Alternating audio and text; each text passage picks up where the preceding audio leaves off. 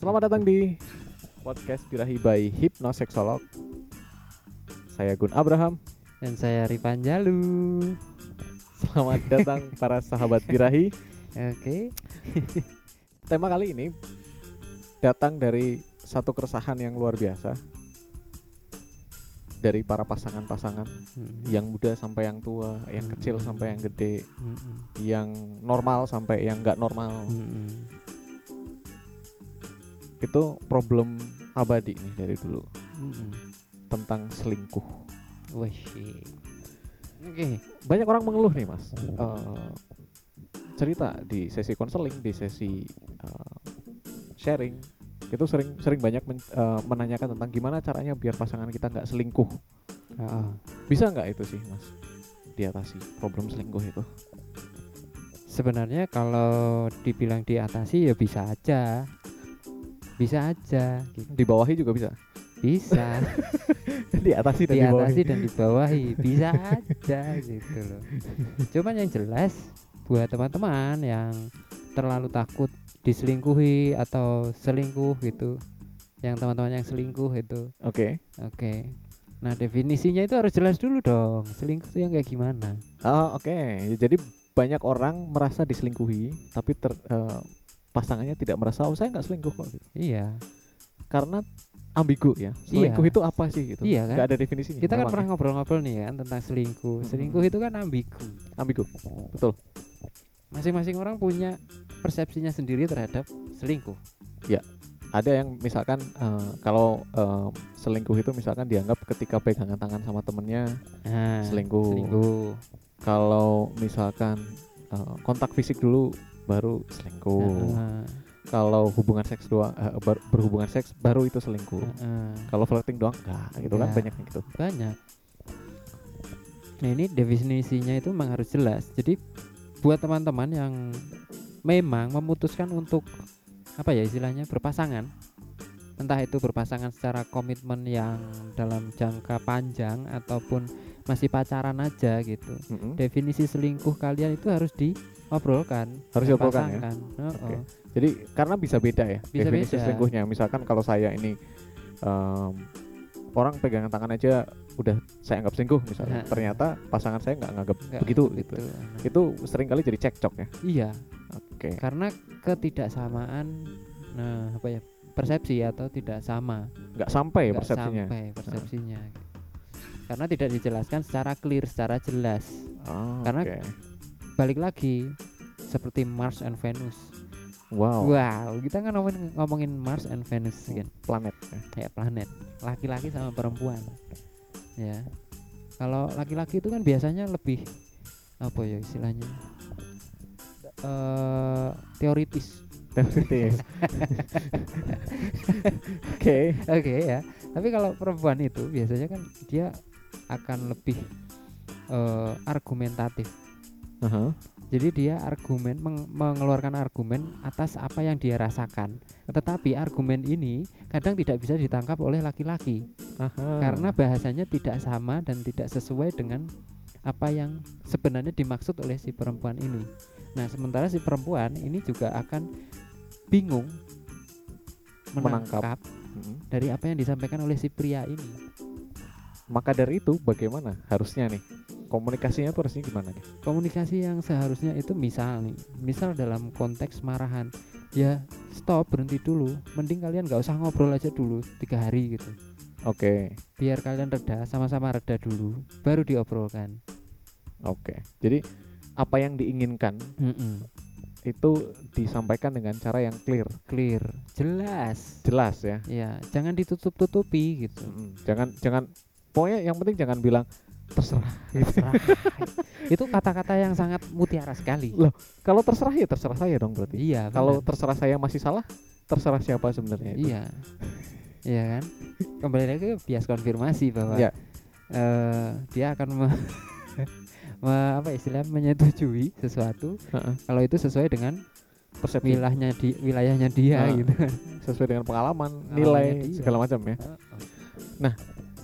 tapi ada nggak kasus-kasus di hipnoterapi itu eh, yang ditangani selama ini itu yang mengangkat tentang selingkuh atau kasusnya selingkuh Ada sih. biasanya yang yang jadi faktor utama dari klien-klienmu nih Hmm. apa nih mas? ke kalau aku sih faktor-faktor utama kebanyakan karena hal-hal yang tersimpan di masa lalu Oke. itu akhirnya menjadi sebuah behavior atau sebuah apa ya kebiasaan dia Mhm, manusia ini kan makhluk apa ya makhluk kebiasaan mhm. dan dia ada Mereka punya istilah pola ya. ada istilah mangkisi mangkidu Mhm. Nah, ketika si anak ini melihat pola cara mencintai dari orang tuanya bagaimana, ya itulah yang dia contoh. Oke. Me mengintim sih? Imitasi, Mengi- mengimitasi. Ah. Jadi mengcopy kopi ya, di kopi diimitasi hampir sama berarti ya. hampir sama Proses belajarnya seperti itu ya. Iya. Akhirnya jadi sebuah perilaku yang berlangsung seumur hidup. seumur hidup. Nah, itu biasanya gini. Mereka secara sadar nggak suka Mhm. dengan perilaku dari orang tuanya, Oke. ya kan?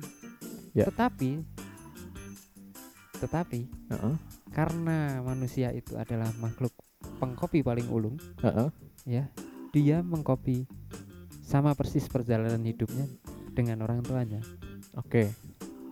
Jadi oke, oke, ya, ya, oke, oke, oke. Jadi akhirnya mereka secara tidak sadar kayak seolah-olah udah kok jalan sendiri seperti itu. Mm-mm. Misalkan orang tuanya pemarah, dia tidak suka dengan eh, perilaku pemarah itu, Mm-mm. tapi malah dia suka marah-marah. iya si si anak ini akhirnya akan meneruskan bahwa dia itu sebenarnya marah-marah tapi dia tidak merasa kalau dia itu marah-marah karena menurut dia ini hal yang biasa Wow.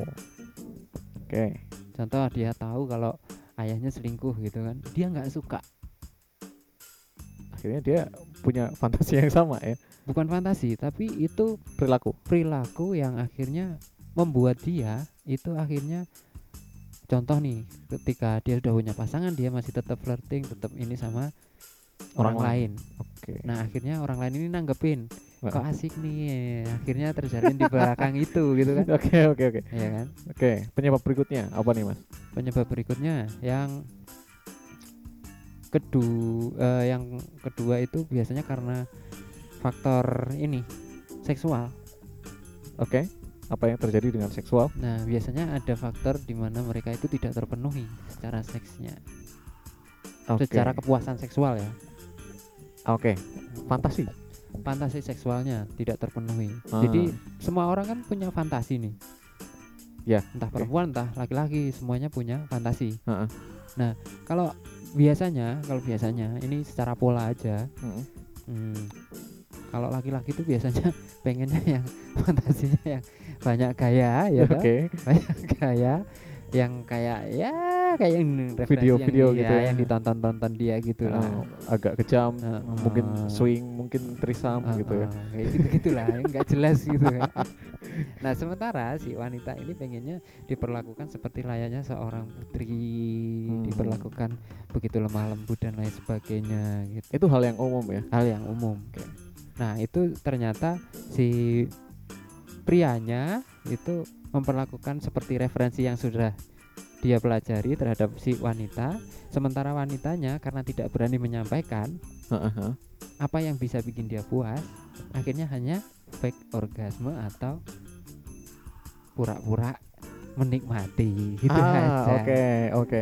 Jadi em, fantasi seksual ini memang harus juga dikomunikasikan ternyata ya. iya heeh.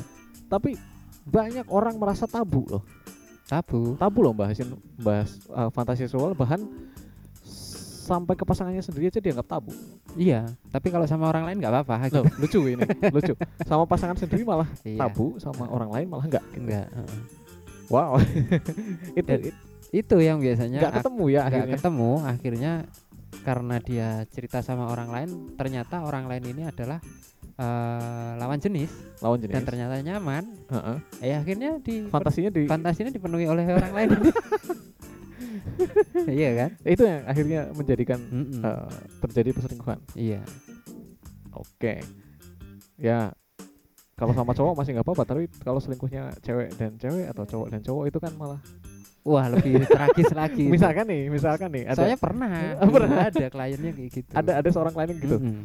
Jadi punya fantasi seksual, iya disampaikan ke sesama jenis Mm-mm. curhat dan, gitu curhat dan akhirnya malah terjadinya sama itu juga ya wow kan kesannya oh, wow nggak apa-apa sih gitu kan maksudnya kalau memang mereka sama-sama suka sama-sama nyaman gitu Dan kalau menurutku ya. sih monggo-monggo aja yang itu hak-hak kalian gitu kan tetapi kan komitmen kalian yang sama yang sebelumnya itu kan yang langgar kan kalian sendiri gitu ya itu namanya tidak sehat dong berarti secara Iya. hubungan relationshipnya mereka tidak sehat ya Mm-mm. kecuali itu diobrolkan sama pasangan yang sebelumnya dan pasangan sebelumnya oke lah oke lah silakan, silakan gitu. gitu ya punya Hmm. pasangan Heeh. daripada kamu selingkuh sama cowok gitu ya, Iya, sama gitu. cewek aja sana Heeh, gitu ya. misalkan kayak gitu siapa Ya, tahu bisa gabung gitu itu kan itu kan kembali lagi bahwa semuanya itu tergantung komitmen Ya. ketika komitmennya di awal itu juga nggak jelas ya wajar aja boleh-boleh aja kan oke berarti memang harus eh, deal komitmennya seperti apa Mm-mm. fantasi seksual definisi kepuasan dari masing-masing orang itu juga harus Harus clear ya? clear disamakan kalau ternyata misalkan satu sukanya cepet Mm-mm. yang satu bilang sukanya nggak cepet Mm-mm. nah itu susah. harus dicari titik temunya titik temunya ya? titik temunya entah itu gantian sama-sama gitu iya ya. sama-sama mengeluarkan eh, apa istilahnya menurunkan egonya masing-masing gantian lah ya berarti. gantian. Kap- kapan waktu mungkin main Mm-mm. dengan durasi yang cepat kapan yang Heeh. lambat iya atau kapan eh, dengan gaya A Dengan gaya gaya B B. gaya C gitu ya nah itu memang harus dikomunikasikan terus apa nih yang bikin orang tuh ngerasa malu nih ngobrol sama komu- komunikasi nih sama pasangan Mm-mm. Ya karena kembali lagi referensi, referensi referensi atau eh, pengalaman-pengalaman di masa lalu. Contoh gini, kalau misalkan kamu ini adalah seorang anak dari orang yang selalu menjaga tata krama. oke Ketika kamu bertanya ke orang tua kamu tentang pa atau ma, Heeh. titit itu apa? Hus, harus saru. Gini gini Ya, gini ya, gini. ya. gini. ya ya Oke. Dan itu akan membekas bawah sadar. Aduh, nggak boleh nih ngomongin kayak gini. Karena semua orang tuh punya petanya atau wilayahnya masing-masing ya. Heeh. Dia bebas memaknai apa pun persepsi ya persepsi ya. Nah, apalagi anak kecil ketika dibentak seperti itu dan itu wah nggak boleh ngomong kayak gini. Nah, itu akan menjadi program yang berlangsung sampai iya menikah itu ya sampai menikah sampai tua kalau itu tidak bisa diatasi. Terus ada juga di YouTube kemarin yang eh, salah satunya eh, menuliskan di komentar mungkin kalian bisa cari di salah satu video Mm-mm. sampai usia sekian 40 ya Ya. kayaknya. mm-mm. 40 tahun itu nggak bisa belum pernah belum pernah merasakan orgasme. Hmm. Itu gimana, Mas? Uh. Ap- itu itu yang yang salah itu orangnya si orang tersebut Mm. yang bermasalah itu orangnya Mm. atau pasangannya. kita nggak bisa eh, ngejudge seperti apa Oke. kecuali dia dan pasangannya itu konsultasi sama aku. Aha, Nah, oke. tetapi tetapi kita akan memberikan semacam eh, i- ya pencerahan lah itu Aha, kayak aha. Bagi mereka-mereka yang belum pernah mengalami orgasme sama sekali Heeh. itu bisa jadi karena mereka memang tidak tahu benar-benar tidak tahu di dalam pikiran dia otaknya dia Heeh. itu tidak pernah merekam yang namanya apa itu orgasme Oke. ketika orang tidak pernah mengalami orgasme maaf mungkin dia sebenarnya sudah orgasme Oke. Tapi tidak tahu. tapi tidak tahu kalau itu orgasme Oke, oke. Oke. ya kan? Ya, mungkin mungkin. Benar. mungkin kan seperti Bisa itu jadi, bisa jadi. ya kan? Oke. bisa jadi pasangannya memang tidak bisa membuat dia Orgasme. orgasme. Oke. Dan dia hanya mengikuti eh, apa istilah- istilahnya kayak dogma, dogma yang sudah ada Ah. bahwa dia harus ya kewajiban saja gitu. Ah. Jadi itu adalah bentuk pelayanan terhadap suami gitu dong Ya, kira. heeh. Oke, oke, oke. Karena yang nulis komen kemarin kan cewek tuh kayaknya. Ibu-ibu 42 Ibu-ibu. tahun. Nah, di situ kan kita juga nggak bisa menyalahkan si prianya, kita juga bi- tidak bisa menyalahkan si ibunya. Tapi yang jelas eh, kalau memang si ibu ini berbesar hati mengajak suaminya untuk konsultasi dengan eh, pakar ya mungkin di daerahnya dia Heeh, gitu ya, ada Hipnoterapis atau psikolog hipnoterapis atau, apa pun ya. Ya, apa pun lah Dokter gitu. mungkin ya. Mm, itu mungkin akan bisa Selesaikan. diselesaikan. Oke.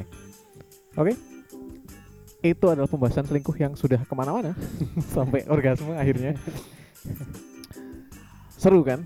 Tunggu podcast podcast berikutnya, episode episode berikutnya akan em, menampilkan atau menampilkan Mendatangkan. membahas ya membahas tema-tema yang seru. Mungkin kita akan datangkan da- eh, bintang tamu bintang tamu yang eh, unik kocak dan Kocak, ya. seru ya. Pokoknya topik-topiknya akan selalu menarik.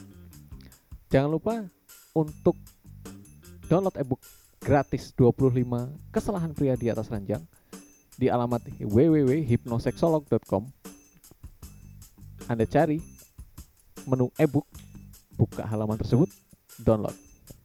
Gratis. Gratis. Yang kurang enak apa kurang kita enak apa ya? kita? Kita ngasih konten gratis kita ngasih entertain kita ngasih apa? Kasih edukasi ya. Oke. Ya kan? sekian podcast hari ini. Sampai jumpa. Di podcast podcast selanjutnya. Saya Gun Abraham. Dan saya Ripan Jalu. See you next time